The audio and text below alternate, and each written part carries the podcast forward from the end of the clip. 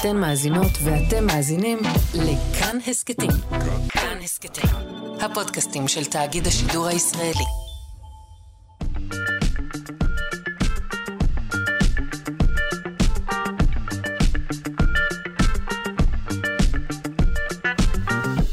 שלושה שיודעים.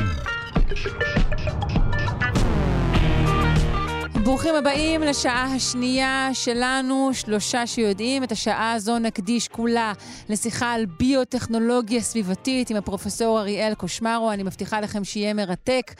מי בעוסקים במלאכה? ובכן, העורכת אלכס לויקר, על ההפקה, טל ניסן ואיתי אשת, על הביצוע הטכני, דימה קרנצוב, אני שרון קנטור, ואנחנו מתחילים.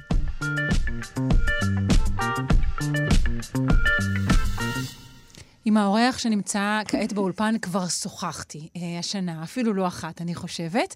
אבל היום אנחנו רוצים אה, לקחת את אה, כל פועלו אה, ולאגד אותו ולשים אותו בקונטקסט. אה, נמצא איתי הפרופסור אריאל קושמרו. הוא ראש המעבדה לביוטכנולוגיה סביבתית במחלקה להנדסת ביוטכנולוגיה וחבר בית הספר לקיימות ושינויי אקלים באוניברסיטת בן גוריון. שלום. שלום וברכה. שמחים מאוד מאוד אה, שבאת. נתחיל אה, כרגיל אצלנו במושגי יסוד. מה זה בכלל ביוטכנולוגיה סביבתית? אז, אז בואו נתחיל מביוטכנולוגיה, אה, שזה למעשה יישום של אה, הידע שנצבר ב, בתחום אה, מדעי החיים או הביולוגיה, לכל מיני יישומים ב, בתחומי הרפואה, סביבה וכדומה. וכשאנחנו מדברים על ביוטכנולוגיה סביבתית, אז זה שוב אה, יישום של הידע שנצבר בתחום הביולוגיה מדעי חיים לתחומי סביבה. וכשאנחנו אומרים שיטות ביולוגיות, אנחנו מתכוונים לכל מה שבעצם קשור למיקרואורגניזמים, לחיידקים, נכון? כל מה שאתה, כל המחקרים שנציג היום הם בעצם סביב מיקרואורגניזמים. נכון, כי תחום, תחום הידע שלי הוא תחום המיקרוביולוגיה. ובמיוחד אה, מיקרוביולוגיה סביבתית. מילים אחרות, זה יכול להיות קרוי גם אקולוגיה מיקרוביאלית. אה, הפכת את זה, אוקיי. כן, כי חלק, זה חלק מהניסוחים. אז תחשבו על אותו אקולוג או זואולוג שעובד עם בעלי חיים גדולים, אז אנחנו אותו דבר, רק שעובדים עם אה, מיקרואורגניזמים. מאיפה הגעת קודם, אם אפשר לשאול? מה קדם למה? אז הסיפור די ארוך. אז אה, קודם כל, אה, אני נולדתי בקיבוץ, אה, קיבוץ ניר אליהו שנמצא במרכז, והחיים, מן הסתם, שאתה גר בסביבה כפרית כזאת, שדות, פרות, עופות, בעלי חיים, אז זה טייל אותי די לכיוון לימודי הביולוגיה. והתעניינות בעולם של המיקרואורגניזמים, ואז המשכתי תארים מתקדמים עד שהגעתי למעמד של חוקר באוניברסיטת בן גוריון, ונכון להיום פרופסור מן המניין באוניברסיטה. אוקיי, okay, ולתחום הסביבתי, אה, בעצם זה הצטרף מאוחר יותר, אפשר לומר. אז, אז זה היה כל הזמן ברקע, כאשר אה, בלימודי התואר השני שלי, אה, כבר עשיתי פרויקט סביבתי שהיה ניקיון של חופים באזור חיפה, מנפט גולמי על ידי שימוש במיקרואורגניזמים. וזה היה פרויקט uh, בהנחיה של, uh, נקרא לזה שני אייקונים בתחום של המיקרוביולוגיה הסביבתית, שזה פרופסור יוג'ין רוזנברג ופרופסור אליהו אהרון, שניהם uh, אמריטוסים של אוניברסיטת תל אביב. אז אתגרים קצת דומים אה, לזה, אנחנו נזכור כמה וכמה מהם במהלך השיחה. אה, ככל שנספיק, אה, כי באמת, כמו שאמרנו, המעבדה שלך עושה כל מיני אה, דברים אה, בכל מיני תחומים. אני חושבת שנתחיל אה, בפלסטיק, אה, ולו בגלל שאך השבוע התכנסו אה, נציגי מדינות האו"ם בפריז לדון אה, בבעיית פסולת הפלסטיק אה, שאנחנו פשוט הולכים וטובעים בה. אה, כן, אה, אה, למען האמת זה היה אתמול, אה, יום שני, ההתכנסות. אה, והגדירו את זה כצונאמי של פלסטיק, שזה אכן נכון, שהפלסטיק הולך ומצטבר, אה, אין כיום שום פתרון נראה לעין.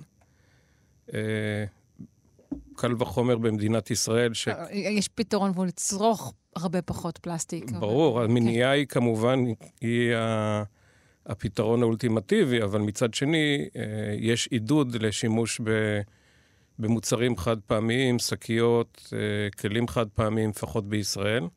כן, לפני שאתה אומר שיש עידוד, זה דבר שהוא, אני חושבת שהוא מושתק יחסית. עצם ביטול המיסוי על כלים חד פעמיים, הוא אומר שיש קריאת כיוון. כן. ש... וזה עוד פעם, היה אופייני גם בארצות הברית, תחת ממשלו של טראמפ, ששם הוא ביטל מלא חוקים סביבתיים שהיו אמורים לסייע אולי בהתחממות כדור הארץ, מה שנקרא היום את ה-Global Warming. ושוב, ברוב מוסדות העולם, כולל באו"ם, בעיקר מדברים ופחות עושים. יש מימון די קטן לתחומים האלו, לצערי, ורוב החברות לא מעוניינות להשקיע בכיוון הזה, כי זה לא כיוון שהוא רווחי, בסופו של דבר. כן, טוב, לשאלת, אתה יודע, שאלת הרווח הכללי, העקרוני שלנו כאנושות, זה בטח לא... אז אני לא מדבר על הרווח, הרווח המיידי. ברור. אבל כן מנסים להעמיד שם איזושהי טיוטה לאמנה שתחייב את כל המדינות בנושא השימוש בפלסטיק? אז כן, זה נכון, ויש כבר חקיקה מסוימת באירופה, שהם רואים את עצמם בעוד כ-10 עד 20 שנה כמעט ללא הפלסטיק חד פעמי, אבל עוד פעם, בואו נראה אם זה יהיה מיושם. כן. דוגמה אחרת, פרוזאית, אני יכול לתת, הייתי לפני מספר שנים בהודו, בלדק, ושם יש איסור על שימוש בשקיות פלסטיק חד פעמיות. פשוט איסור, כן. איסור. ואתה נכנס לחנות, ואתה מבקש שקית, הוא אומר, אולי אני יכול לתת לך משהו מנייר. כן. ו- והם אפילו כועסים על uh, תיירים הודים שמגיעים ממדינות אחרות בהודו עם שקיות. יפה. אבל, אבל מצד שני, uh, עדיין... הפלסטיק עדיין קיים, ואנחנו... ומצטבר, כן. נכון, ואנחנו כאן בעסקי הביולוגיה, ולא נראה, בעסקי החינוך. אז בוא נראה אז מה אתה יכול להציע לנו? לפ... די מה, נגיד שמעוד שבועיים לא יהיה בכלל חד פעמי אה, בישראל או בעולם, עדיין אנחנו תקועים עם הרבה מאוד פלסטיק. מה אתם יכולים להציע לנו? אז, אז, אז בוא נתאר שנייה את הבעיה, נחמיר ככה ונזעזע את הקהל המאזינים. יאללה. ואחרי זה אנחנו נגיד איך אנחנו חושבים שאפשר אה, לפתור את זה. אז קודם כל, הפלסטיק הוא מוצר אה, טוב. אה, הוא קל, הוא זול. אה, המחשבים שלנו, כמעט כל דבר שאנחנו נוגעים בו יש פה פלסטיק. עכשיו, הבעיה העיקרית הוא כמובן בפלסטיקים שהם לשימוש קצר מועד וחד פעמי, אה, והם אה, כן מתפרקים בסביבה על ידי קרינה, ואולי גם קצת פעילות ביולוגית, ואז אנחנו נתקעים עם מוצר לוואי שנקרא מייקרופלסטיק. זאת אומרת, כשאנחנו אומרים מתפרק בהקשר הזה, זה לא פירוק טוב. זה פירוק שמשאיר אותנו בעצם עם החומר, רק בצורה של חלקיקים קטנים הרבה יותר. בשבבים קטנים. והם יעשו בעתיד עוד יותר קטנים, יהיו חלקיקי ננו, ולזה למעשה אה, מגיע לנחלים, לים. למים אה, שאנחנו שותים. למים שאנחנו שותים, למוצרי מזון שלנו, אה, לתוך הגוף שלנו, ועד היום אנחנו לא ממש מבינים אה, מה ההשפעות העתידיות של הדבר הזה. כן. ו- ולמעשה, בגלל זה מתכנסים ומדברים על זה בעולם, כולל מדענים, כי רואים בזה אחד מהאיומים בעתיד. כלומר, אנחנו עוד לא יודעים גם בבירור אם זה רע, אולי זה סבבה להיות מלא בחלקיקי אה, מיקרופלסטיק? ו... זהו, שאני, שאני לא חושב. אבל יש טענה שאומרים שזה פלסטיק זה משהו אינרטי. אבל אם החלקיק פלסטיק הזה נמצא לנו אה, בריאות, או מגיע בסופו של דבר לתוך המוח, אה, לא נראה לי שזה רעיון טוב. על פניו נשמע שלא. אה, אוקיי, וזה באמת אה, קורה יותר ויותר, והפלסטיק מחלחל, מתפרק, נמצא ביותר ויותר מקומות. ובסופו של דבר, ואנחנו רואים את זה כבר בסביבות מסוימות בסביבה הימית, שאם אתה בודק את ריכוז המיקרו-פלסטיק שמרחף בעמודת המים, הריכוז שלו כבר מתקרב או יותר גבוה משל ריכוז הפלנקטון. אוי. שזה, אם תחשבו על זה, שדג בא ואוכל משהו, אז חצי או יותר מחצי ממה שהוא אוכל, זה חתיכות של פלסטיק בסופו של דבר. וואו, אוקיי, אז, אז פלסטיק ש... מפלנקטון, אוקיי, לזה אז, לא ציפיתי, בסדר. אז אחרי שזיזנו אתכם, אז בואו בוא נראה איך, איך כן מנסים לפתור את זה כאן בארץ, אצלנו במעבדה. לפני זה אני רוצה להגיד שיש גם הירתמות לאחרונה של התעשייה במדינת ישראל, ואפילו של רשות לחדשנות, שזה דרך משרד המדע. וממש בימים אלו מנסים לייצר מאגד שיקבל מימון לשיפור פריקות של הפלסטיק בכל מיני שיטות, כולל ביולוגיות. אוקיי. אוקיי. ואחד התנאים זה שזה ימזער את הייצור של המיקרופלסטיק. זהו, כן, זה, זה מה שאני צריכה, כי אמרנו שהפירוק הוא לא בהכרח לטובתנו. כן. אז אנחנו מדברים על פירוק מסוג כן. מסוים. נכון. עכשיו, הפירוק של המיקרופלסטיק הוא בדרך כלל נובע שהפלסטיק נחשף לקרינת UV, ואז חלק מהשברים אה, של הפולימר האלו, או הפולימר נשבר ונוצרים שבבים, ו- ואז נוצר אותו מיקרופלסטיק. אה, אה, מה שאנחנו מנסים לעשות אה, במעבדה לביוטכנולוגיה סביבתית, זה לראות איך אנחנו מפרקים את הפלסטיק בשיטות ביולוגיות. עכשיו, אה, פה אני חייב להזכיר שהפרויקט הזה, או המחקר הזה, התחיל כבר לפני כמעט שני עשורים. ומי שהוביל אותו במעבדה היה פרופסור אה, אלכס סיוון, אה, שנפטר לפני כשנתיים, והוא היה מסוג של חלוץ. זאת אומרת, זה היה בצורה סיזיפית, שכולם אמרו, אי אפשר לפרק פלסטיק, אי אפשר שום דבר. אה, ותוך כדי המחקר יצרנו בנק של חיידקים במעבדה, שמסוגלים לפרק חלקית פלסטיק, פוליטילן, PET, שזה פוליטילן טריפטלט וסוגים שונים. אה, ומה שחסר לחיידקים האלו בדרך כלל כדי להתמודד עם הפלסטיק, זה כל מיני תוספים, ש... או שאפשר להוסיף להם את זה חיצונית, או שזה יהיה בעתיד בתוך uh, הפלסטיק, כי כדי לפרק את אותן שרשרות פחמניות, uh, שהחיידקים היו רוצים את זה כמקור מזון, הם צריכים uh, קופקטורים uh, מתכתיים מסוימים, הם צריכים מקורות חנקן, פוספט, כל הדברים האלו, כדי שיעשו את זה. ואצלנו במעבדה אנחנו מצליחים להראות שהחיידקים יכולים לפרק אחוזים ניכרים מהפלסטיק, זה לא מושלם עדיין, אבל כמובן שצריך עוד מחקר.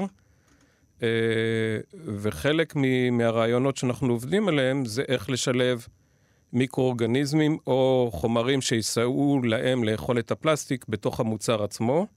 זאת אומרת שחברות, נגיד חברה שמייצרת אה, בקבוקים לצורך העניין, צריכה להוסיף על תוך, החומר, על תוך החומר, על תוך הפלסטיק, משהו שמעודד ומסייע לחיידקים לפרק אותו. זה אחת האפשרויות. זה דורש השקעת יתר מצד החברות הללו? אה, אה, מן הסתם, זה איזשהו מחקר או פיתוח, כי זה כן. יכול להשפיע על, ה, על החוזק של המוצר, על השרידות שלו, השקיפות שלו, זאת אומרת, יש פה הרבה תהליכים. זאת אומרת, צריכה להיות פה השקעה. והיום אה, נראה שחלק מהחברות לפחות מוכנות להשקיע. ולראיה, היה לנו שני פרויקטים כבר במעבדה, עם השקעה, מ... אחת ההשקעות הייתה מחברה מספרד מאוד גדולה שמייצרת חומרי גלם לפלסטיק, וזה היה לפני הקורונה, והם נתנו מימון מאוד יפה אה, לפתח תוספים שיוכלו להיכנס בתוך חומר הגלם של הפלסטיק, ממש בתוך הכופתאות שמייצרים מהם את הפלסטיק. אה, הפרויקט התקדם די יפה, אבל אה, לאור הקורונה הוא נזנח. זאת אומרת, מהצד שלהם שינוי סדר עדיפויות. כן. ופרויקט אחרון שהסתיים אה, לפני כשנה היה עם חברה פורטוגלית שנקראת Eco Ibéria, שהם מפעל למחזור של בקבוקי פלסטיק ש, של PET, שזה נקרא פוליטילן טריפטלט.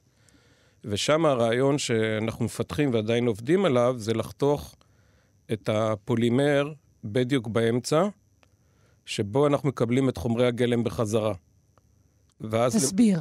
אוקיי, אז פוליאתילן טרפתלט אה, בנוי אה, מתת יחידות של terephthalic acid ופוליאתילן גליקול. וביניהם יש קשר אסטרי. אני לא אכנס בדיוק מה זה קשר mm-hmm. אסטרי, אבל יש חיידקים ואנזימים שיודעים לפרק את הקשר הזה. עכשיו, אם אני שובר את הקשר הזה, אני יכול אחר כך להפריד לחומרי הגלם ולייצר מחדש את הכל עוד פעם. אוקיי, כלומר זה מסייע בתהליך המחזור היעיל אה, כן, של אז, אז פה, פה אני לא מסלק אותו, אלא אני ממחזר. ממחזר אותו. בניגוד אוקיי. למה שדיברנו על הפלסטיק מקודם, כן. שאני רוצה לפרק אותו לגמרי ל-CO2 ומים ולהיפטר ממנו. כן, זהו, זה שתי שיטות שונות. עכשיו, החיידקים, אמרת שהם מפרקים, הם, הם, בעצם, הם בעצם אוכלים את, את הפלסטיק? הם אוכלים, הם, כן, כן, הם, הם צריכים שרשרות פחמניות כמקור מזון. והחיידקים עצמם הם סבבה לנו שהם יהיו? הם עדיפים על פני אה, מיקרופלסטיק? כן, החיידקים האלו זה חיידקים שמקורם בסביבה, זאת אומרת, הם לא מהונדסים. אה, חלק מהחיידקים האלו שיש אצלנו בבנק, אה, במעבדה, זה חיידקים שהצלחנו לבודד מאזורים מזוהמים בפלסטיק ומיקרו-פלסטיק במפעלים. כלומר, הם התפתחו שם באופן טבעי, כן. ואנחנו רוצים לעודד אותם בפעולתם המבורכת. נכון. אני מבינה. טוב, למי שהצטרף אלינו, אנחנו בשיחה כאן באולפן עם הפרופסור אריאל קושמרו. הוא ראש המעבדה לביוטכנולוגיה סביבתית במחלקה להנדסת ביוטכנולוגיה וחבר בית הספר לקיימות ושינויי אקלים באוניברסיטת בן גוריון. ואנחנו סוקרים uh, מחקרים ופרויקטים שונים uh, שנעשים uh, במעבדה שלך. Uh, דיברנו על uh, פלסטיק ומיקרו-פלסטיק, ואני שהוא אחד האתגרים והאיומים הגדולים ביותר על האנושות אה, כרגע, ונעבור כרגע לעוד אה, אתגר ואיום לא קטן, שזה נושא החיידקים העמידים לאנטיביוטיקה. וואו, כן. נשמע לי אתה כמעט, אה, כמעט מבסוט אה, כשאתה חושב על האיום הגדול הזה הנמצא לפתחנו. אז, אז כן, זאת אומרת, אה, שנים מלמד בקורסים למיקרוביולוגיה סטודנטים, אז אני מספר להם שיש עידן אה, שנקרא פרה-אנטיביוטיק, לפני אנטיביוטיקה, שזה לפני אה, בערך אה, שנות ה-40, שלמעשה לא היו, לא היו לנו דרכים לטפל כמעט בזיהומים, למעט קצת במתכות כבדות ועוד סולפה ודברים כאלו שהם לא כל כך יעילים. ואז נכנסה האנטיביוטיקה הראשונה באופן מסחרי, נדמה לי ב-1942 או משהו כזה, שזה הפניצילין. ומאז אנחנו בעידן אנטיביוטיקה. ובעשור האחרון אנחנו מתקרבים לעידן... עידן הפוסט-אנטיביוטיקה? עידן הפוסט-אנטיביוטיק, כן. ש... שלאט לאט אנחנו רואים שיותר ויותר חיידקים עמידים לאנטיביוטיקה, והטיפולים הקונבנציונליים לא, לא מרגשים את החיידקים האלו, והם מתפתחים במיוחד בסביבות של בתי חולים. לא מרגשים, והם גם אה, בעצם עשויים להתחזק כך, נכון? כי הם בעצם כן אה, סובלים מהתקפות ברמה מינורית, אך גוברים עליהם, וכך הם מתחזקים? אה, אז, אז ככל שמאיימים עליהם יותר, אה, אה, הם אה, רוכשים עוד ועוד תכונות שמקנות להם אה, עמידות, אה, אה, נקרא לזה, רבת אנטיביוטיקות, מה שנקרא מולטיפל דרג רזיסטנס. ועוד דבר שהוא בעייתי זה ש... אה, החיידקים יכולים אה, לקבל אה, מתנות מחברים. מותר להם, אתה אומר, אוקיי. אז, אז כן, להם מותר. ובוא נניח שיש לי עכשיו בסביבה איזשהו חיידק אי קולאי, שיש לו עמידות לאנטיביוטיקה נחמדה, ולידו יושב חיידק סלמונלה, שאין לו, והוא יכול לתת לו את זה במתנה. העברת uh, תכונות uh, רצויות. כן, שזה uh, okay. נקרא בעולם שלנו, של המיקרוביולוגים, זה יכול להיות uh, קוניוגציה או העברה דרך פלסמידים, אבל זה דבר שעובר. המטען הגנטי יכול לעבור בין חיידקים. והם עושים את זה כי אז הסביבה כולה יותר תומכת גם בקיומם שלהם? כלומר, מה האינטרס של חיידק אחד uh, לתת את התכונה הזו לאחר או לאחר? אז... שוב, אינטרס במרכאות כמובן. אז אנחנו לא יכולים לתפוס את החיידק ולשאול אותו, אבל, אבל האינטרס הוא, הוא כזה שהם זקוקים גם אחד לשני באותה סביבה.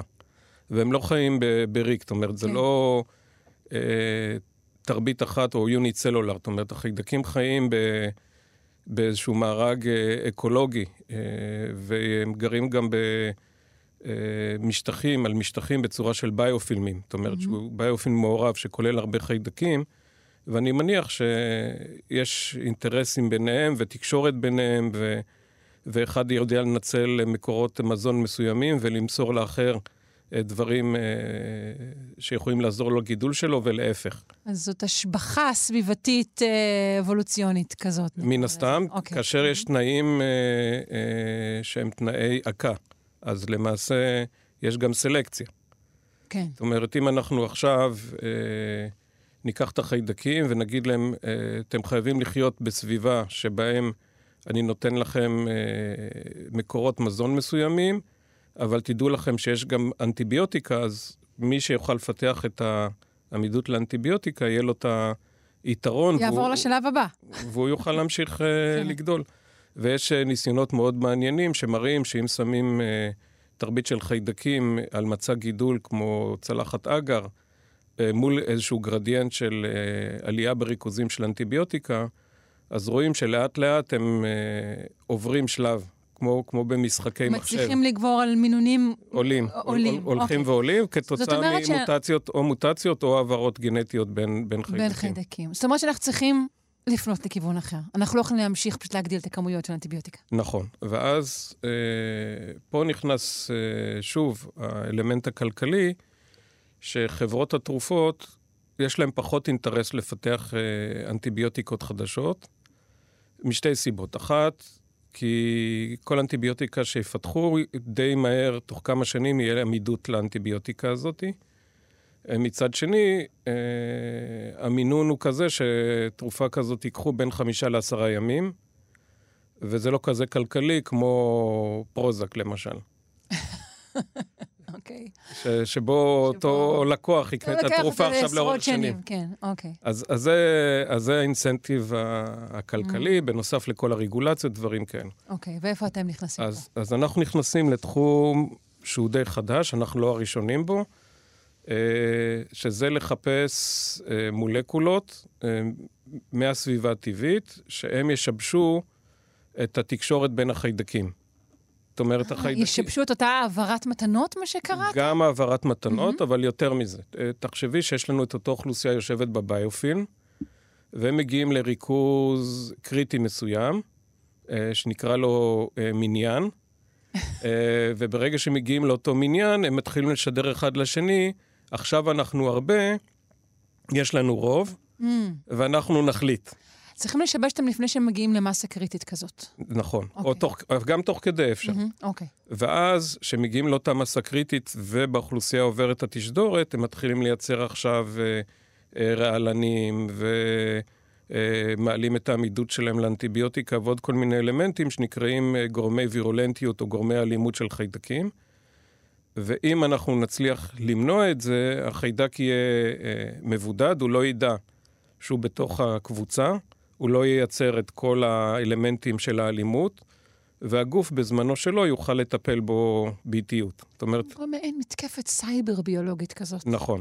אז, אז מה שאנחנו כרגע אה, תוקפים זה אה, רצפטורים של מולקולות התקשורת האלו, שנקראים אה, במונח המודעי אה, quorum sensing, שזה אה, רצפטורים של חישת מניין. והמולקולות הן יכולות להיות מולקולות כימיות או חלבוניות, הן מאוד קטנות שעוברות דיפוזיה.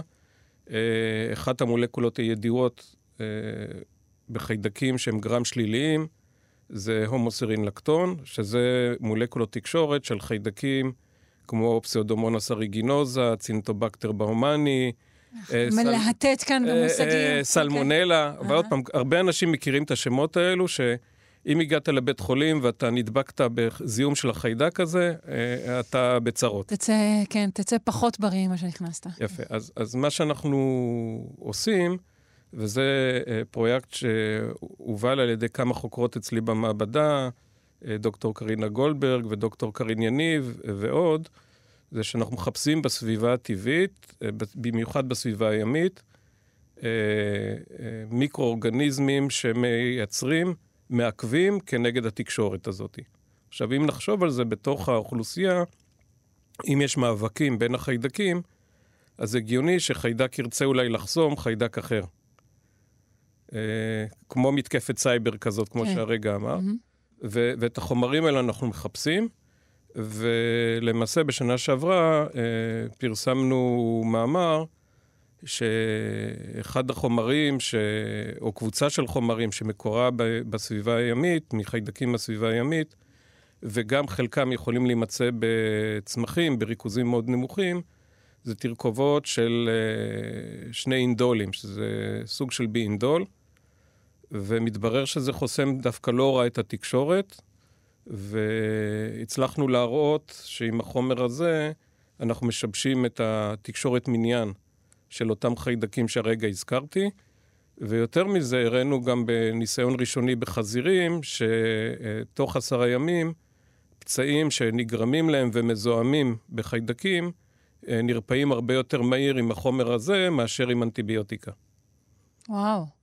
אז זה אומר שיש איזשהו כיוון אה, ראשוני, שזה אומר ש, שזה יכול לעבוד, ו, וכן, זה יכול להיות תחליף לאנטיביוטיקות בעתיד.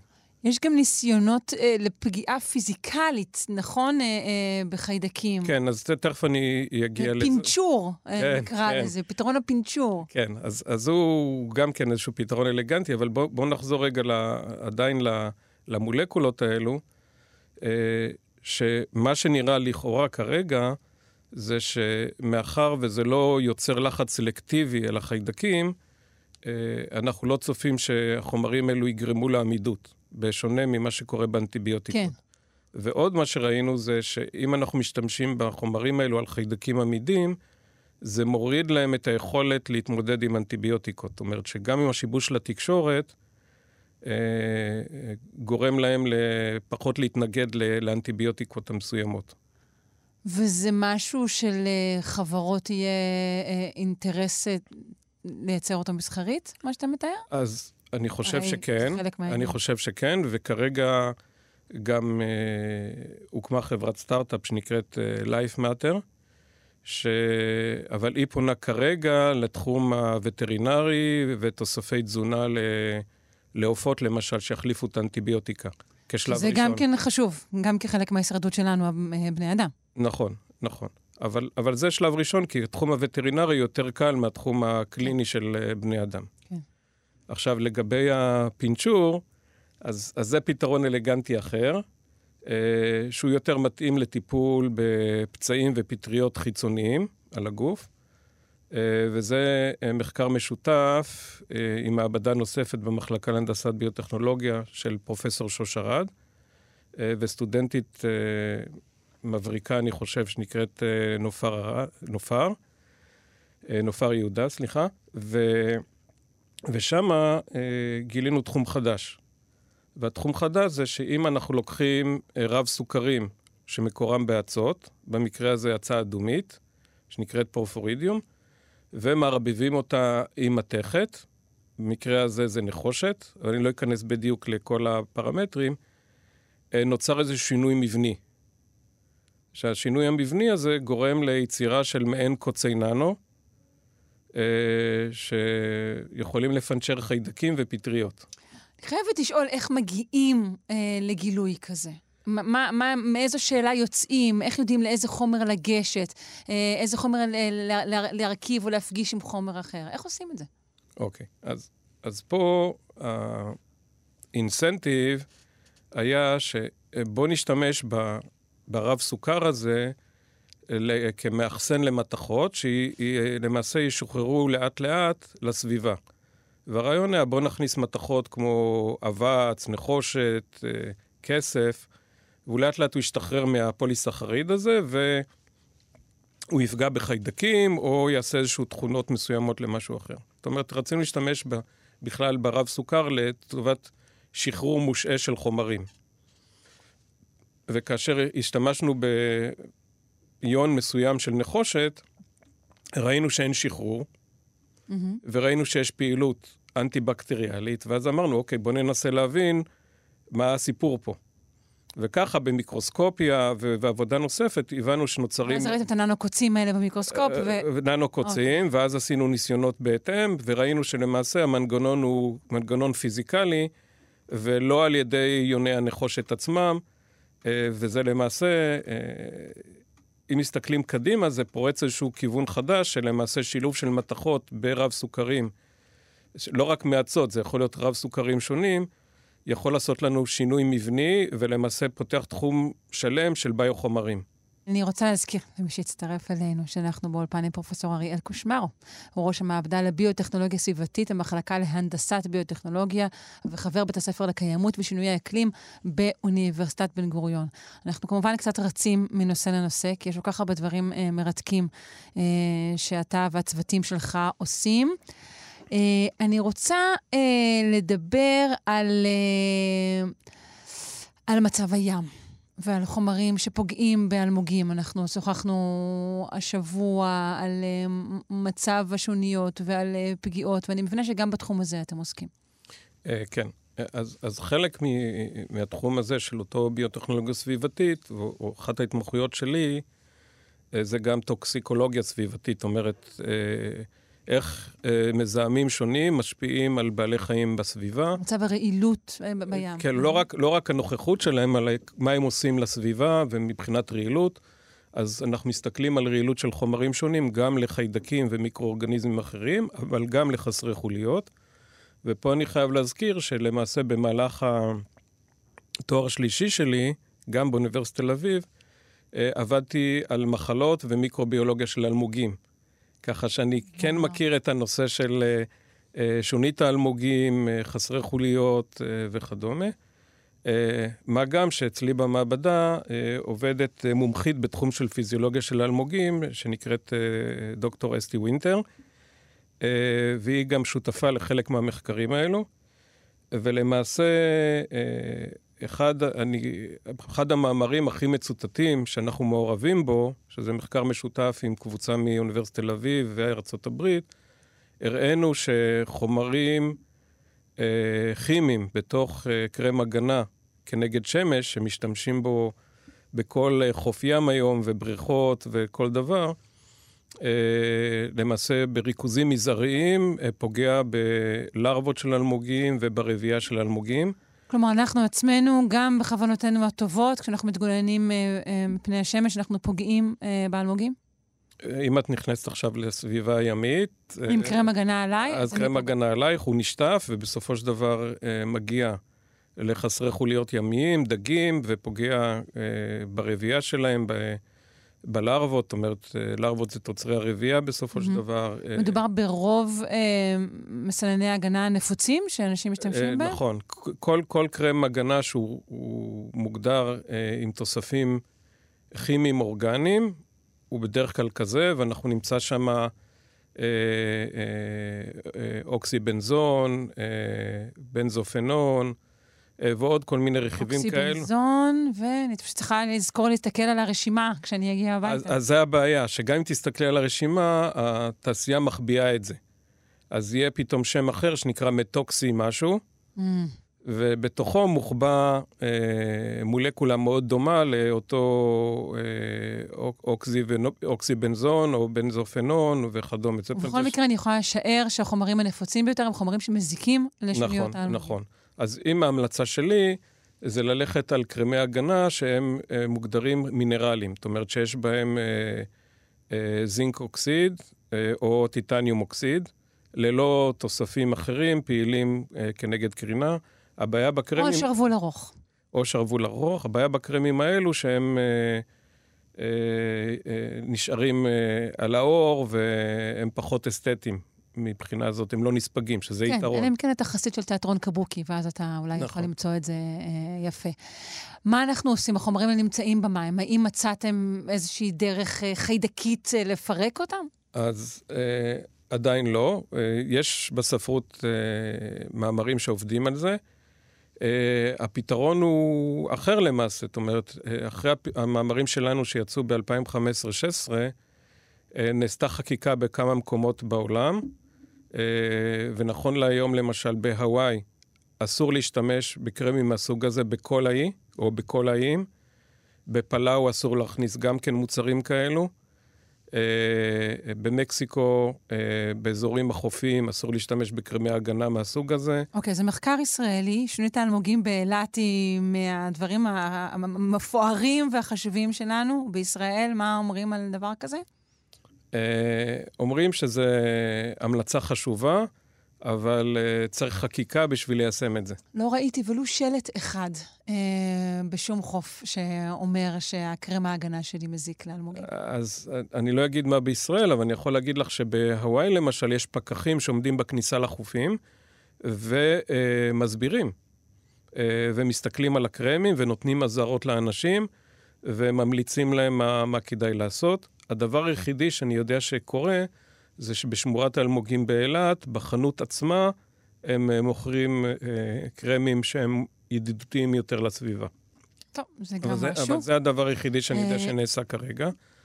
מה ש... לגבי זיהומים אחרים? נגיד זיהומי, אנחנו שומעים על זיהומי דלקים גדולים. האם כאן יש איזשהו פירוק ביולוגי שניתן לעשות? אז, אז פה אז כן, אבל הבעיה עד היום הייתה שבים הפתוח אין שום פתרון. כי הדלק צף, ואנחנו רוצים להוסיף לאותו דלק צף אה, תוספים כמו חנקן פוספט וחיידקים שיפרקו את הכל, ואז הכל מתערבל בעמודת המים וזה לא עובד. וזה ממש מחקר חדש אצלנו במעבדה שעדיין לא פורסם, אז אני לא ארחיב יותר מדי, אבל אנחנו יכולים לייצר איזשהו אה, חומר סופח, שבמקורו הוא מיוצר מפסולת של אה, סיבי צלולוז, מנייר, שבתוכו אנחנו מכניסים את כל מה שהחיידקים צריכים, וברגע שהוא מגיע במגע עם הנפט הגולמי, אה, הוא סופח אותו. אז תחשבי בדמיון על משהו כמו שנראה קורנפלקס, או פופקורן כזה, שיוכל להיות מפוזר ממטוס על כתם דלק כזה בים הפתוח. אה, תוך שניות הוא יספח הכל. ואז אפשר לאסוף אותו פשוט. או לאסוף, או לתת לחיידקים לעשות את העבודה, ואז תוך אה, שבועיים, שלושה הכל ייעלם. וואו. אבל זה אתה אומר עדיין בשלבי פיתוח. זה בשלבי ו... מבחנה. מבחנה.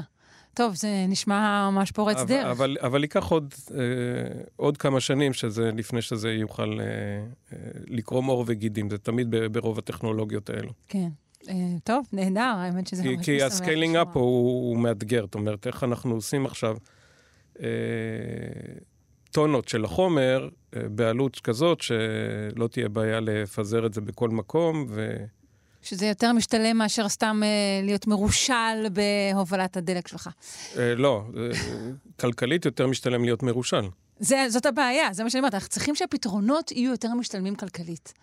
אה, אה, או, או שיהיו יותר משתלמים אם, הרגולציה תפעל כן. בהתאם. כן. Uh, בוא נישאר בזמן שנותר לנו במים, אבל במים אחרים לגמרי. Uh, אני חושבת ששוחחנו אולי בשנה שעברה. אה, על, על ניטור אה, של שפכים, ומה אנחנו יכולים אה, ללמוד אה, מהם, נכון? כן. אז בוא ספר לנו מה אתם עושים בנושא. אז אני אתחיל מזה שאני אגיד שכבר שנים אנחנו עובדים בתחום של מיקרוביולוגיה של שפכים, אה, ואיך לשפר פריקות של שפכים במתקני השפכים, כמו השפד"ן, מתקנים אחרים, שמיועדים לטיפול בשפכים של כלל הציבור, ואיך למחזר אחר כך את המים שיהיו בטוחים. וההסתכלות שלנו לאורך שנים הייתה, אוקיי, השפכים מגיעים למתקן השפכים, ואנחנו מסתכלים רק מה יוצא ממתקן השפכים, בהנחה שאנחנו רוצים לראות שאין גורמי מחלה, שהמים מטוהרים וכדומה. מה זאת אומרת, לעומת מה אנחנו עוד יכולים להסתכל על מה שנכנס, אתה מציע? אה, נכון. אז כשהתחילה מגפת הקורונה, אמרנו, רגע, בואו נסתכל על מה נכנס. כי אם אנחנו יכולים להסתכל על מה נכנס, אנחנו יכולים ללמוד עכשיו מה קורה באוכלוסייה מבחינת התחלואה. Mm. עכשיו, זה לא שזה לא נעשה קודם, אבל זה נעשה, נקרא לזה, באופן ספורדי בעולם. כן, עושים מדי פעם דגימות של ביוב, ואומרים נמצא, נמצא כך, נמצא אז, אחרת, זה מה שאנחנו יודעים עליו הרבה. אז בישראל היו משנות 2000, התחילו לעשות איזשהו ניטור אה, די ספורדי של אה, אה, פוליו, דרך השפכים. כי זה וירוס שהוא גם וירוס מעיים, אז הוא בריכוזים יחסית גבוהים ואפשר לנטר אותו.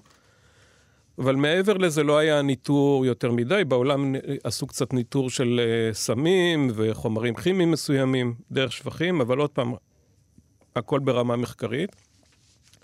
מה שקרה בתחילת 2020, יותר נכון, מרץ 2020, שהייתה התפרצות של הקורונה, אמרנו, ישבנו במעבדה, אה, לא רק אני, אה, מי שהוביל אז את המחקר זה אה, קרין יניב ועדן עוזר, ואמרנו, אוקיי, חייבים לעשות משהו, אנחנו מומחים בשפכים, בואו נסתכל עכשיו על קורונה בשפכים. ולמעשה היינו אחת המעבדות הראשונות בעולם שפיתחה את היכולת הזאת בשיטות מולקולריות, להעריך את ריכוז הקורונה בשפכים. אה, וכאן מהר מאוד הצטרפנו גם. לעבוד ביחד עם משרד הבריאות, עם מעבדה לווירולוגיה עם, אה, עם איתי בר-אור, אה, שדרך אגב היה גם דוקטורנט שלי בעבר, אז זה הקל על העבודה המשותפת, ומהר מאוד נכנסה גם חברת סטארט-אפ שנקראת קנדו, שהם סייעו בכל הנושא של הדיגום. ולמעשה כבר באפריל-מאי היה לנו כבר את היכולת.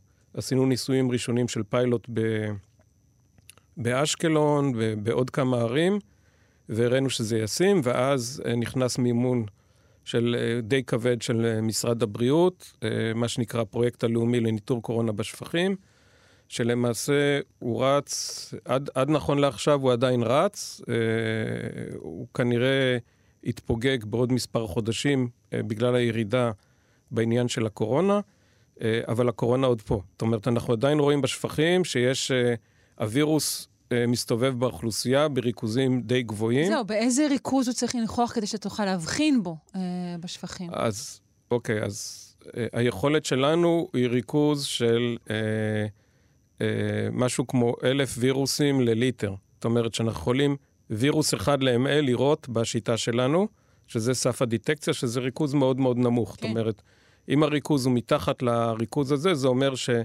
התחלואה באוכלוסייה היא מינימלית. כמובן שזה קשור מהגודל האוכלוסייה שאנחנו מסתכלים, אבל לפי המחקרים שעשינו, מתוך 100 אלף אנשים בעיר, אם אה, משהו בין 30 ל-80 אנשים חולים, אנחנו יכולים לראות את זה כבר.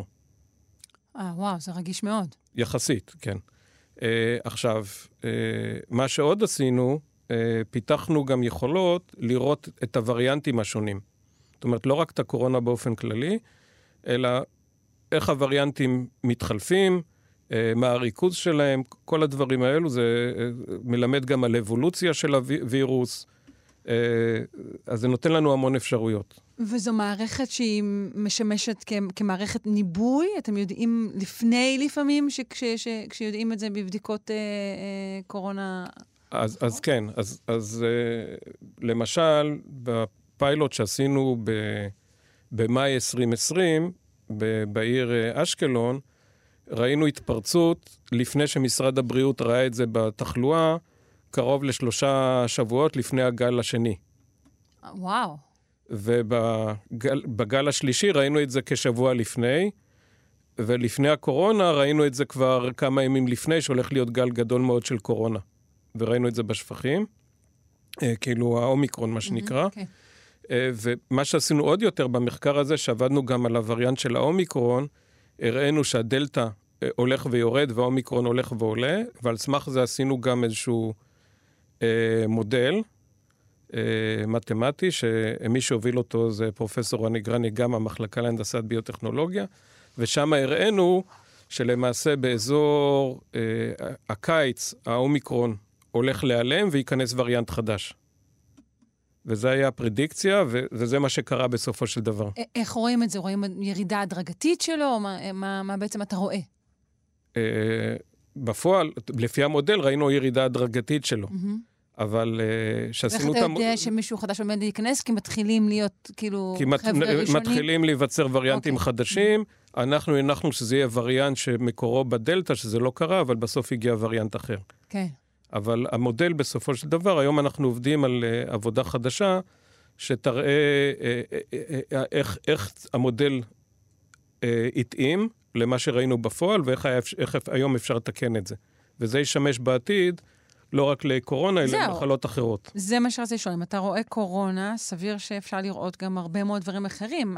אני הייתי מצפה שמערכת השפכים תהיה ממש ראי למצב התברואתי, נכון, הביולוגי נכון. הכללי של החברה. אז, אז מה שעושים, אבל זה עוד פעם לא ברמת ניטור לאומי, אה, כרגע ברמת ניטור לאומי יש רק קורונה ופוליו, אבל אפשר להסתכל על עמידויות לאנטיביוטיקה, אפשר להסתכל על גורמי מחלה שונים, אני יכול, תיאורטית, אני יכול להסתכל על יחס בין שפעת לקורונה, וירוסים אחרים, אה, גורמי מחלה אחרים, זאת אומרת... מה עם חומרים אחרים בכלל, עם תזונה, נגיד? הכל, הכל אפשר. אז אה, פרויקט חדש ממש שאנחנו עובדים עליו עכשיו, אני לא יכול לספר עליו יותר מדי.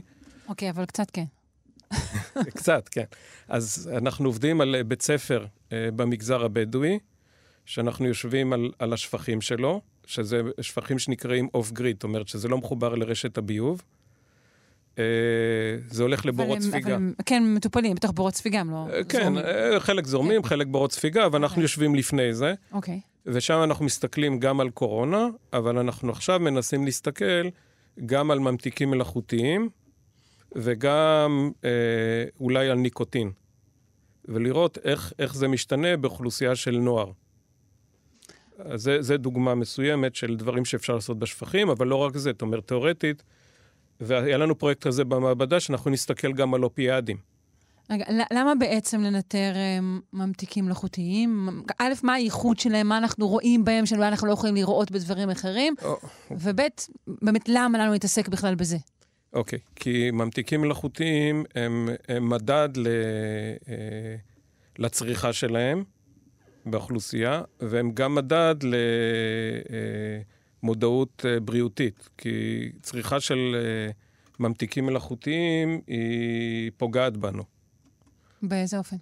אז, אז, אז פה אני פותח עולם שלם, אבל אה, מחקרים גם שלנו וגם של אחרים מראים שממתיקים מלאכותיים פוגעים באוכלוסייה המיקרוביאלית של מערכת העיכול, אה, משבשים את, אה, את הפעילות שלהם, אה, ולמעשה, וזה מחקר שיצא ממכון ויצמן, הם מראים שאפילו שימוש בממתיקים מלאכותיים יכול לגרום להשמנה, שזה בכלל סותר את כל מה שהפרסום אומר על ממתיקים מלאכותיים. מה שאצלי הראינו במעבדה... באיזה אופן? כי הם משתיקים אולי חיידקים שמפרקים סוכרים? למה דבר כזה יכול לקרות? זהו, שאנחנו לא בדיוק יודעים, תכף נגיע לזה, אבל מה שהמחקר בוויצמן, שהובל על ידי פרופסור אלינב, הראה שאם אנשים צורכים אה, אה, סוכרזית, אה, למעשה יש להם שינוי או איזה שיפט באקולוגיה המיקרוביאלית של מערכת העיכול שלהם, וזה משפיע אחר כך על רמות הסוכר שלהם בדם. עכשיו, בדיוק מה המנגנון, זה לא ידוע. Mm-hmm. מה שאנחנו הראינו אצלי במעבדה, שמשלים למחקר הזה, שאותם ממתיקים מלאכותיים, כולל אחרים, אני לא אכנס לכל השמות שלהם כן, כרגע. כן, אבל זה עקרונית גם פה, כמו שאמרנו, להבדיל המסנני הקרינה, גם כאן אנחנו מדברים על רוב הממתיקים המלאכותיים שנמצאים ברוב המשקאות המקובלים כן, מהסוג כן, הזה כן, לצריכה, כן, נכון? כן, כן. אה, אספרטם, סוכרזית, סוכרלוז, כל אלו, נכון? כמובן, כן. אוקיי. כן. ומה שאנחנו הראינו אצלנו במעבדה זה שחלק מהממתיקים האלו, איך לא, משבשים תקשורת בחיידקים. אבל... שדיברנו כן, קודם. כן, זהו, אנחנו דווקא רצינו שיבוש תקשורת בחיידקים בדברים מסוימים. שהם גורמי מחלה, כן. אבל אם הם חיידקים שהם אמורים להיות טובים, טובים לנו במערכת העיכול ואנחנו משבשים mm. להם את התקשורת, אנחנו יכולים לגרום לקריסה של המערכת. כן. אז זה לא טוב. עכשיו, זה כמובן הוכח במעבדה, זה עדיין לא הוכח במערכת העיכול. אז זה עוד דברים שצריך לעשות ו- ועובדים עליהם. אבל, אז למעשה, ממתיקים מלאכותיים הם מדד נוסף לבעיה בריאותית. אה, סוכרים אנחנו לא יכולים למדוד בשפכים, כי החיידקים מנצלים אותם מהר מאוד. הממתיקים המלאכותיים, בגלל שהם לא מתפרקים, הם נשארים בשפכים ואנחנו יכולים למדוד אותם יחסית בקלות. אפשר להגיד, אה, אפשר לגזור מכך שמה שאנחנו לא מוצאים בשפכים הוא טוב לנו יותר? אה, לא, אי אפשר להגיד את זה, אבל, אה, אבל זה אומר אם זה פריק או לא פריק. כן. אבל מה שזה אומר, שאותם ממתיקים מלאכותיים שהם פחות פריקים, יכולים לעבור את שרשרת הטיהור של מי השפכים ולהגיע אחר כך לחקלאות ולשרשר את המזון בחזרה. אז זה כבר סיפור ושם אחר. ושם בעצם לעשות נזק גם למי שלא צרך ממתיקים מלאכותיים מלכתחילה. אז, אז לגבי הנזק, אני צריך להיות פה מאוד זהיר, כי מדובר בריכוזים מאוד נמוכים, ואני לא בטוח. אבל הצרה היא מספיק... היום רוב האוכלוסייה צורכת ממתיקים מלאכותיים, אם היא יודעת או לא יודעת, זה אפילו מזון בריאות כמו אבקת חלבון לספורטאים, יש בה ממתיקים מלאכותיים. Mm. ואפילו הראינו את זה במחקרים. שאם אתה משתמש עכשיו במיצוי מאבקת החלבון הזאת, אתה גורם נזק לחיידקים בגלל הממתיקים המלאכותיים. וזה נחשב כביכול מזון בריאות. אה, ולא להזכיר את ביטול המס על, אה, על משקאות מסוכרים, כולל ממתיקים מלאכותיים, שבוטל לאחרונה, כדי לשפר את הבריאות של האוכלוסייה במדינת ישראל. אה, אני אומר את זה בציניות. כן, כן, בוודאי. גם שירי תרופות, אני מניחה שאתם הכל מוצאים? אפשר, הכל אפשרי. אפשר לראות, אה, עכשיו יש המון כתבות בטלוויזיה על נושא של אופיאדים. כן. אז בעיקרון אופיאדים אפשר לנטר גם בשפכים, ואני לא עושה את זה, אבל כי עשינו את זה בעבר, זה היה איזשהו פרויקט מחקרי מאוד קטן שנעשה אצלנו במעבדה, אבל אם משרד הבריאות או המדינה הייתה רוצה, בעיקרון אפשר על אותם מקומות שאנחנו דוגמים את הקורונה, אפשר על אותו דגימה לעשות אנליזה של אופיאדים ולהגיד באיזה שכונות יש צריכה גבוהה מול איזה שכונות יש צריכה נמוכה. זאת אומרת, זה כמו האח הגדול. אתה יכול לדעת ממש הרבה על האנשים האלה, כן. בעיקרון הכן, גם אנחנו נכנסים פה לאיזושהי בעיה, יכולה להיות אתית, שדיברו על זה במקומות אחרים בעולם, שנכון שזה אה, מדגם של פול של אוכלוסייה ואתה לא יודע פרטי, אבל אני אומר לך ככה בינינו, בלי שאף אחד שומע, ברגע שאני יכול להגיע ל-DNA ול-RNA שנמצא בתוך השפכים, אז מהבני אדם שנמצאים באותו אזור נפלט גם DNA שלהם.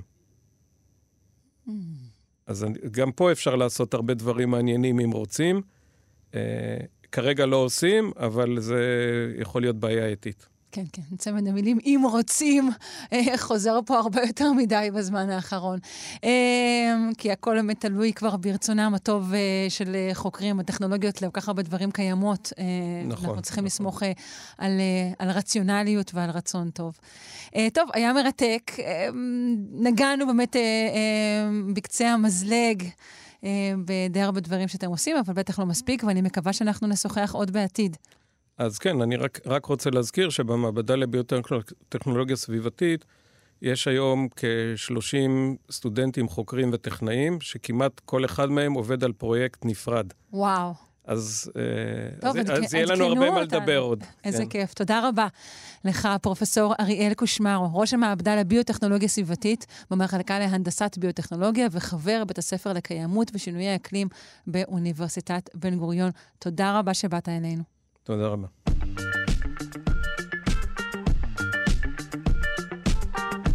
עד כאן, שלושה שיודעים ליום זה, אני מקווה מאוד שנהניתם ושהתעניינתם. ערכה אותנו אלכס לויקר, הפיקו טל ניסן ואיתי אשת על הביצוע הטכני העדימה קרנצוב. אני שרון קנטור, אחרינו גם כן תרבות עם גואל פינטו, אז המשך האזנה נעימה. להתראות.